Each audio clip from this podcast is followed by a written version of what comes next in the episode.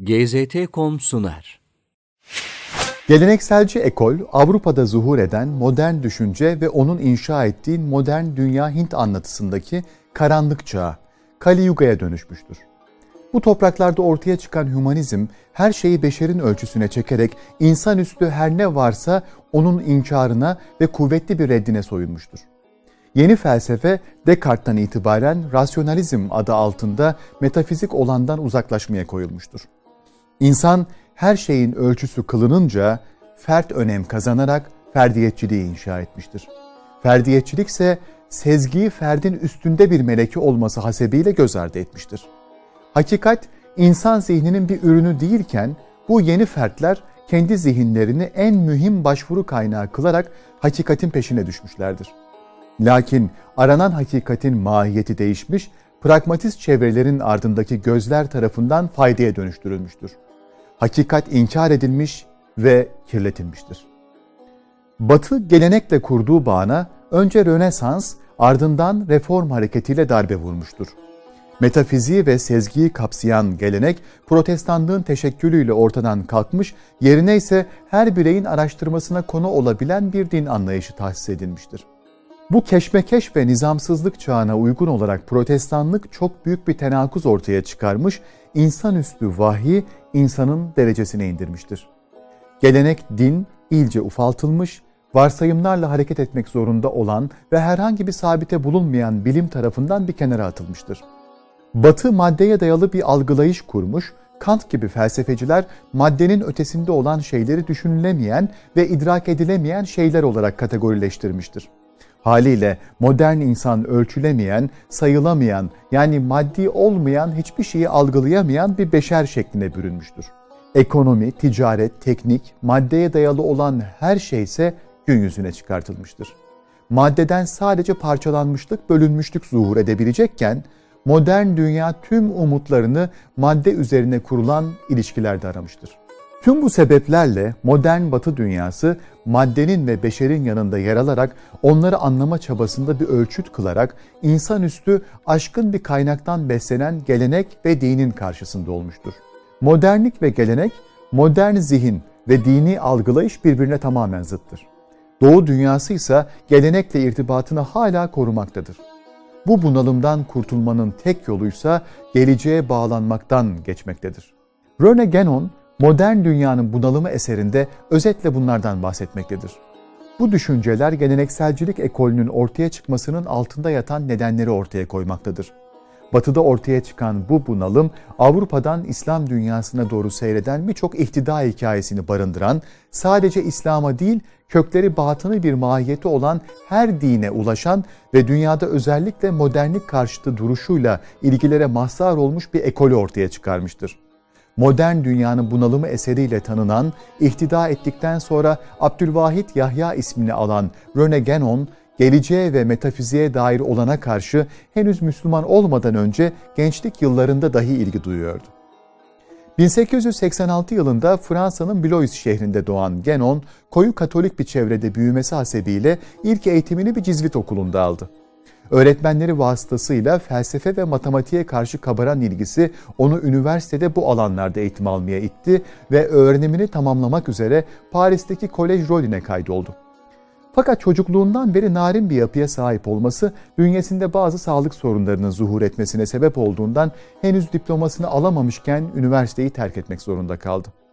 Genon için üniversiteyi terk etmek entelektüel ilgilerini rafa kaldırmak anlamına gelmiyordu.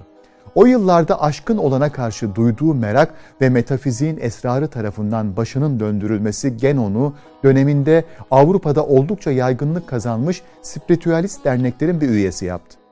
Daha sonra ortaya koyacağı modern dünyadan ancak geleneğe sığınılarak kaçınabileceği fikrinin artçı düşüncelerinin Genon'un zihninde temayüz etmesi onu okültist mason gruplarında çalışırken bir yandan da yeni spiritüalist doktrinleri incelemeye itti. Bir süre bu çalışmalarını sürdüren Genon, 1908 yılında Spiritüalist ve Masonik Kongre'de sekreterlik yaptı. Üye olduğu derneklerden kendini çıkartması da bu kongre sebebiyle oldu. Her daim hakiki bir gelenek metafizik anlayışının peşinde koşan Genon, toplantıda Hermetik Ekol Derneği'nin lideri olan Papus'un insan ruhunun ölümünden sonra tekrar dünyaya geleceğini söyleyerek reenkarnasyona atıf yapması üzerine bu derneklerle olan bağını koparttı. Zira o bu sözlerin altında gizli bir materyalizm görmüş, bu derneklerin aşkın olanla uğraştığını iddia etmesine rağmen dünyaya oldukça bağlı olduğunu anlamıştı. Spiritüalist derneklerle ilişkisini koparmasına rağmen bu ilgisinden vazgeçmeyen Genon bir yandan iki arkadaşıyla birlikte çıkardığı okültist derdi Legunos'ta yazılarını yayınlarken öte yandan kavram dünyasını yazılarında bir araç olarak kullanacağı Hint ve Çin geleneğiyle ilgili çalışmalar yaptı. Yaptığı araştırmalarla ilgili yazılarını yayınlarken aynı zamanda bu dönemde Fransız bir kadınla evlendi. 1910'un sonlarına doğru Ivan Gustav Agali ile ihtida ettikten sonra aldığı isimle Abdülhadi ile tanıştı. Bu tanışıklık Genon'un hayatındaki en büyük dönüm noktası oldu. İki yıl boyunca Legunos'ta Abdülhadi ile tanışıklığı vasıtasıyla öğrendiği İslam tasavvufu üzerine yazılar kaleme aldı ve 1912'de Abdülhadi'nin şeyhi Şazeliye tarikatına bağlı olan Abdurrahman İliş el-Kebir'e intisap etti. Müslüman olduktan sonra Abdülvahit Yahya ismini aldı. 1917 yılında Cezayir'in Setif şehrinde bir kolejde Fransızca ve Latince dersleri vermek üzere giden Genon, Cezayir'de geçirdiği sürede sadece Arapçasını geliştirmekle kalmadı, bunun yanında bölgedeki tasavvuf ehli kişilerle de tanıştı. 1918'de Fransa'da doğduğu şehre Blais'e dönen Genon, bir yıllık bir felsefe öğretmenliği serüveninden sonra Paris'e geçti. 1920 yılında Paris Üniversitesi Kütüphanesi'nde uzun bir süre yapacağı kütüphanecilik işine başladı. 1920'li yıllarda Paris'teki evinde Hindu, Müslüman, Hristiyan kişilerle görüştü ve toplantılara katıldı. Arapça, Latince, İbranice, Yunanca, Sanskritçe, Almanca, İngilizce, Rusça ve İtalyanca bildiği için dünyanın dört bir tarafından gelen muhataplarına kendi dilleriyle hitap edebiliyordu. 1928 yılında eşinin vefat etmesiyle kendisini Paris'e bağlayan hiçbir sebebin kalmaması Genon'u Mısır'a seyahat etmeye itti. 1929'da gerçekleştirdiği seyahatle Kahire'ye giden Genon, 3 ay sonra Fransa'dan birlikte geldiği arkadaşlarını uğurlayarak kısa bir ziyaret olarak planlanan geziyi hayatının sonuna kadar sürecek bir ikamete dönüştürdü. El Eser Üniversitesi'nin sokağında bir ev tuttu ve Şeyh Muhammed İbrahim'in kızı Fatma ile evlendi. Mısır'a gelmesiyle birlikte münzevi bir hayata geçen Genon daha çok tefekkür ve zikirle meşgul oldu. Okuyucularından gelen mektupları cevaplamasına rağmen onlarla görüşmemeyi tercih etti. Abdülvahit Yahya adıyla yeni hayatını sürdüren Genon o kadar gizli bir hayat yaşıyordu ki Röne Genon adıyla yayınladığı yazılarını okuyan komşusu onun hayran olduğu ünlü Genon olduğunu dahi anlamıyordu. Kahire'de yaşadığı sırada her ne kadar münzevi bir hayat sürüyor olsa da büyük bir takipçisi olacak Martin Links ile tanıştı. Bu tanışma ve daha sonrasında devam eden görüşmeler Genon'un altyapısını oluşturduğu fikirleri bir ekole dönüştürecekti. Zira ihtida ettikten sonra Ebu Bekir Siracettin ismini alan Links, Genon'la görüşmek isteyen kişiler için aracılık yapacak ve onu gelenekselciliğin Genon'dan sonra en büyük isimlerinden biri olan Fritjof Schoen'la tanıştıracaktı. Links 1909 yılında protestan bir ailenin çocuğu olarak İngiltere'nin Lancashire şehrinde dünyaya geldi. Her gelenekçi gibi Martin Links de gençliğinden beri metafizik bir hakikatin peşinde koşuyordu. Protestan olarak başladığı macerasına Oxford Üniversitesi'nde edebiyat üzerine eğitim alırken ateist olarak devam etmeye karar vermişti. 1935'te Litvanya'da İngilizce eğitimi veren Links, bir yandan dinler hakkındaki araştırmalarını sürdürürken Rene Genon'un yazılarıyla tanıştı. Karşılaştığı yazılarla düşünce dünyası değişen Martin Links, 1937'de Rene Genon'un editörlüğünü yaptığı Edu Tradisyonel dergisinde Fritjof Schoen'un bir yazısını okuduktan sonra onu görmek için İsviçre'ye gitti. İsviçre'nin Basel şehrinde yaşayan Schoen'la buluşan Links, Aleviye tarikatına bağlı Schoen'a intisap ederek Müslüman oldu. Müslüman olmasının hemen ardından Arapça öğrenmek için 1939'da Mısır'a gitti. İkinci Dünya Savaşı'nın giderek şiddetlenmesiyle Mısır'a yerleşmek zorunda kalan Links, Kahire Üniversitesi'nde İngilizce dersleri verirken Rene Genon'u birçok kez ziyaret etme imkanı buldu. Genon'la görüşmek isteyen insanlar için de bir aracı oldu ve birçok entelektüeli Genon'la buluşturdu. Schuon 1907'de İsviçre'nin Basel şehrinde dünyaya geldi. Alman olan ailesi sanatla uğraşmaktaydı. Böyle bir çevrede doğup büyüdüğü için Şuon her daim sanatla alakadar bir birey oldu. Babasının vefatına kadar Basel'de eğitim alan Şuon, babasının ölümünün ardından annesiyle birlikte Fransa'nın Mülhüz şehrine yerleşti. 16 yaşına gelince eğitimini yarıda kesip tekstil tasarımcısı olarak iş dünyasına atıldı. Sanatçı kişiliğini ortaya koyabileceği bir işle uğraşması onu sanatla daha fazla ilgilenmeye itti. Hayatının bu dönemlerinde Doğu edebiyatına merak saldı. Özellikle Mahabharata destanının bir bölümü olan Magvad Gita, Binbir Gece masalları gibi anlatılara ve metafizik konulara eğildi. 1930 yılına geldiğinde şu onun ilgisi bir anda İslam dinine kaymaya başladı. Bu ilginin tam olarak nasıl ortaya çıktığı bilinmese de tam bu dönemlerde şu onun Suriyeli bir Yahudiden ve Paris Camii görevlilerinden Arapça öğrenmeye başladığı bilinmekte. İslam'la yakınlaşması tarih olarak Genon'un yazılarını okumaya başladığı zamanlara tekabül etmekteydi. Belki de bu ilgiyi Genon'a duyduğu saygının bir gerekçesi olarak görmüştü. Zira 1931 yılında bir arkadaşına yazdığı mektupta Rene Genon'dan üstad olarak bahsetmekteydi. Bu zamanlarda İslam dinine geçmek şu onun hep aklını kurcalayan bir mesele oldu ama ihtida etmedi. Ta ki 1932'de Cezayir'e gidene kadar. Eşini kaybettikten sonra Avrupa'dan ayrılmaya karar veren ve hep hayran olduğu doğuyu görmek isteyen şu on bu kararını bir arkadaşına yazdığı mektupta şu şekilde ifade etti. Biskra'ya ölmek için değil, tekin muradı doğrultusunda arınmak için gidiyorum. Artık hiçbir şeye ihtiyacım yok. Belki de hiç duyulmamış bir şarkı gibi buharlaşır uçarım. Batı bir tekerlek gibi üstümden geçti ve kaburga kemiklerimi kırdı. Bundan sonra artık daha fazla taviz yok. Sadece yaşayanların ve ölülerin efendisi Yüce Tanrı var. Cezayir'e geldiğinde Ahmet el-Alevi ile tanışan Şuon, çok geçmeden İsa Nurettin el-Alevi ismini alarak iktida etti. Avrupa'ya geri dönerken kaleme aldığı yazılarda bu ziyaretin ve Ahmet el-Alevi ile tanışmasının üzerinde ne kadar kuvvetli bir tesiri olduğu görülebiliyordu. Bu etkiyle çok geçmeden 1935'te bir kez daha Cezayir'e doğru bir yolculuğa çıktı. Bu sefer uzun bir süre Cezayir'de kalan Şuon, 1938'de Genon'la görüşmek için Kahire'ye geçti. Genon, Kahire'de geçirdiği zamanda çoğunlukla okurlarıyla mektuplaştı. Kimden geldiğini önemsemeksizin her mektuba cevap vermeye çalışıyordu. Bu mektupların sayısı o kadar fazlaydı ki Genon uzun bir süre düşüncelerini kağıda geçirme imkanı bulamadı. 23 Kasım 1948'de Mısır vatandaşlığına geçen Genon, 1951'de 3 yıldır kendisini rahatsız eden hastalığı dolayısıyla vefat etti ve Mukattam Dağı'nda bulunan mezarlığa defnedildi. Genon'un ölümüne değin Mısır'da onun yanında kalan Links, 1951'de Genon'un hazin vefatının ardından Londra'ya döndü. İngiltere'de British Museum ve British Library'de çalışma imkanı bulan Links bir yandan da eserleri üzerinde yoğunlaştı. Ünlü eseri Hazreti Muhammed kitabını burada yazdı. Siyer kitabının yanında 11. saat ve tasavvuf nedir gibi tasavvufi konularda eserler neşretti.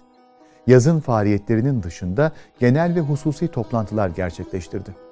Onunla görüşmeye gelen birçok kişiyle ilgilendi ve Müslüman olmalarına vesile oldu. Şu onunla da bağlantısı olan gelenekselci ekolün önemli bir üyesi olan Guy Eaton, onun evinde Müslüman oldu ve Hasan Abdülhakim ismini aldı. Şu onsa 1938'de Genon'la gerçekleştirdiği görüşmenin ardından rotasını Hindistan'a çevirdi. İkinci Dünya Savaşı esnasında İsviçre'ye göçtü ve İsviçre vatandaşlığına geçti. 1959'da Kızılderililerin yaşamlarını ve dünyalarını tecrübe etmek için Fransız bir ressam olan eşiyle birlikte Amerika'yı ziyaret etti. Hindistan gezisi ve Amerika ziyaretinden öğrendikleri şüphesiz ezeli hikmet düşüncesini ortaya atmasında oldukça etkili oldu. 1963 yılında Amerika'ya bir ziyaret daha gerçekleştirmesinin ardından 81'de Amerika'ya yerleşti ve 98'de vefat edene dek eşiyle birlikte orada yaşadı. Velut bir yazar olan Şuon, çoğu tasavvuf, hikmet ve sanat konularında olmak üzere 40'tan fazla eser verdi. Martin Links'in aksine bir tarikatın halifesi olan Şuon, gittiği yerlerde müritler edindi. Birçok entelektüelin ihtida etmesine vesile oldu. Çocukluk arkadaşı olan Titus Burkhardt bunlardan biriydi. Şu onun hayatından ilham alarak 1938'de ziyaret ettiği Fas'ta bir Şazeliye şeyhine intisap eden ve Sidi İbrahim adını alan Burkhardt, gelenekselciliğin bir takipçisi oldu ve sanat ve tasavvuf konularında eserler yayınladı. gelenekselci ekolün yaşayan en büyük temsilcilerinden olan İranlı düşünür Seyyid Hüseyin Nasr da Şuon vasıtasıyla Aleviye tarikatına intisap etti. Fizik eğitimi alan ve bu alanda önemli çalışmalar yapan Nasr, gelenekselci ekolle tanışmasının ardından İslam tasavvufu ve felsefesi konularına eğildi ve bu konularda eserler ortaya koydu. Gelenekselcilerin en önemli kavramlarından biri gelenektir. Fakat bu gelenek, örf, adet, kültür anlamında kullanıla gelen gelenek kavramından oldukça farklıdır. Gelenek, gelenekselcilerin düşüncelerinde dinin yerine kullanılabilecek bir kavramken, yer yer bu kavramı da aşıp onu da kapsayabilen daha geniş bir mefhuma dönüşmektedir. Nasr'a göre gelenek, insanlığa peygamberler, elçiler ya da diğer taşıyıcı failler tarafından vahyedilen, açıklanan ilahi kaynaklı hakikat ve prensiplerin bütünüdür. Bu anlamda gelenek vahye dayanan özüyle ortaya çıkardığı kurumlar, sosyal yapılanmalar, sanatlar ve bilimleri, hukuk ve prensiplerin uygulanışını, kutsal bilginin tamamını ve ona uygun yolu da ihtiva eden çok kapsamlı bir kavramdır. Genon'a göre hakikat iki vecihte insanlığa ulaşır. Kutsallık ve din. Din kavramı vahyin prensiplerini ve bunların pratiğe dökülmüş hallerini içerir. Bu bağlamda Genon, din kavramını şer'i kuralların bütünü için kullanmaktadır. Din, insanlara indirilenin yani hakikatin zahiri şeklini oluştururken, kutsallıksa gelenekselci ekole göre daha önemli olan batıni boyutunu ihtiva eder. Bu iki parça gelenek kavramı içinde buluşur. Daha çok batıni boyut önemli olmakla birlikte hakikatin zahiri veçesini de ihtiva eden gelenekten ona tabi olan insanlar bir medeniyet devşirir. Bu medeniyetten de insanların birikimleri, sanatlar, bilimler ve kurumlar zuhur eder. Şu onsa din kavramını gelenek mefhumundan daha önceye koyar. Ona göre din vahyin bütününü kapsayan bir kavramdır. Gelenekse daha zahiri ve parçalı bir yapıdadır. Ekol, insanlığın vahiy ile kurdukları irtibat olan geleneğin modern batı medeniyetinin neşvü nema bulmasıyla batıda ortadan kalktığını savunur. Buna rağmen her ne kadar tüm gerçekliğiyle olmasa da gelenek doğuda varlığını korumaktadır. Batıda ortaya çıkan modern felsefe insan merkezli olmak ve sadece aklı geçerli görerek gerçekliğin bir kısmına ulaşabilecek bir yöntem olması bakımından eleştirilir. Öte yandan geleneksel ekol modern sanatı kutsal olma vasfını yitirdiği için insanı hakikatten uzaklaştıran bir olgu olarak görür modern bilimlerin ise maddeci yapılarıyla insanı fıtratından uzaklaştırdığı ve tabiatına zarar verdiği öne sürülür. Bu yüzden onlara göre hakikatin peşinde olan bireylerin yüzlerini doğuya çevirmesi gerekmektedir. Gelenek, hakikatin gerçek yüzü olması dolayısıyla tek müracaat noktası olmalıdır. Batı, içinde bulunduğu bunalımdan ancak bu yolla kurtulabilir. Metaphysics then is the truth behind the meanings Yes, the one truth behind the different expressions. And how do we know that this metaphysical meaning is the truth? Because we have the truth in ourselves. You see, the, it's uh, we know the truth because we are the truth, but only this knowledge is hidden by ice because of the fall of man. But the realized man has an eye in the, in the heart. Chanti Ugnata, say the Sioux Indians, eye of the heart, Ain al-Qalb in Arabic. And this is an infallible means of knowledge, this eye of the heart. Gelenekselcilere göre gelenekle sahih bir ilişki ise ancak intisap yoluyla kurulabilir. Hakikat ancak ona sahip olan birinden sezgi vasıtasıyla öğrenilebilir. Bu sezgi modern felsefenin kabul ettiği akıl altı sezgiden farklı olarak akıl üstü, metafizik bir mahiyettedir. Kalbi sezgiyle öğrenilen bu gelenek ve onun altında yatan hakikat her dinde bulunur. Özellikle Şo'nun eserleriyle beraber gelenekselci akımın bir parçası olan ezeli hikmet kavramı, hakikatin izlerinin her dinde, sahih bir gelenek anlayışının var olduğu her medeniyette takip edileceğini savunur.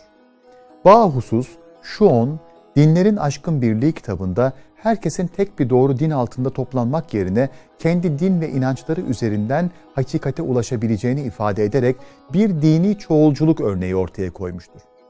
Dini çoğulculuğun en önemli özelliği tek bir dinin değil, tüm dinlerin doğru olabilme olasılığını kabul etmesidir.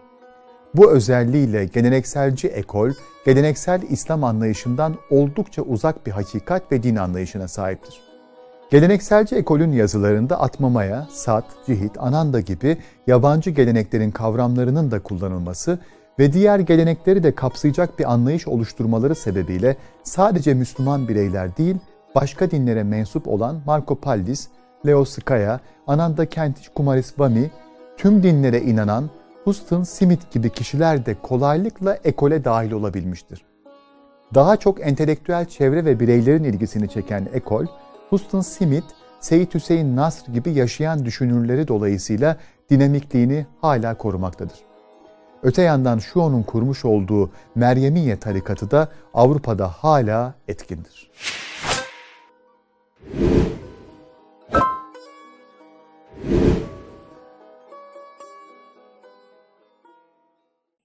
GZT.com sundu.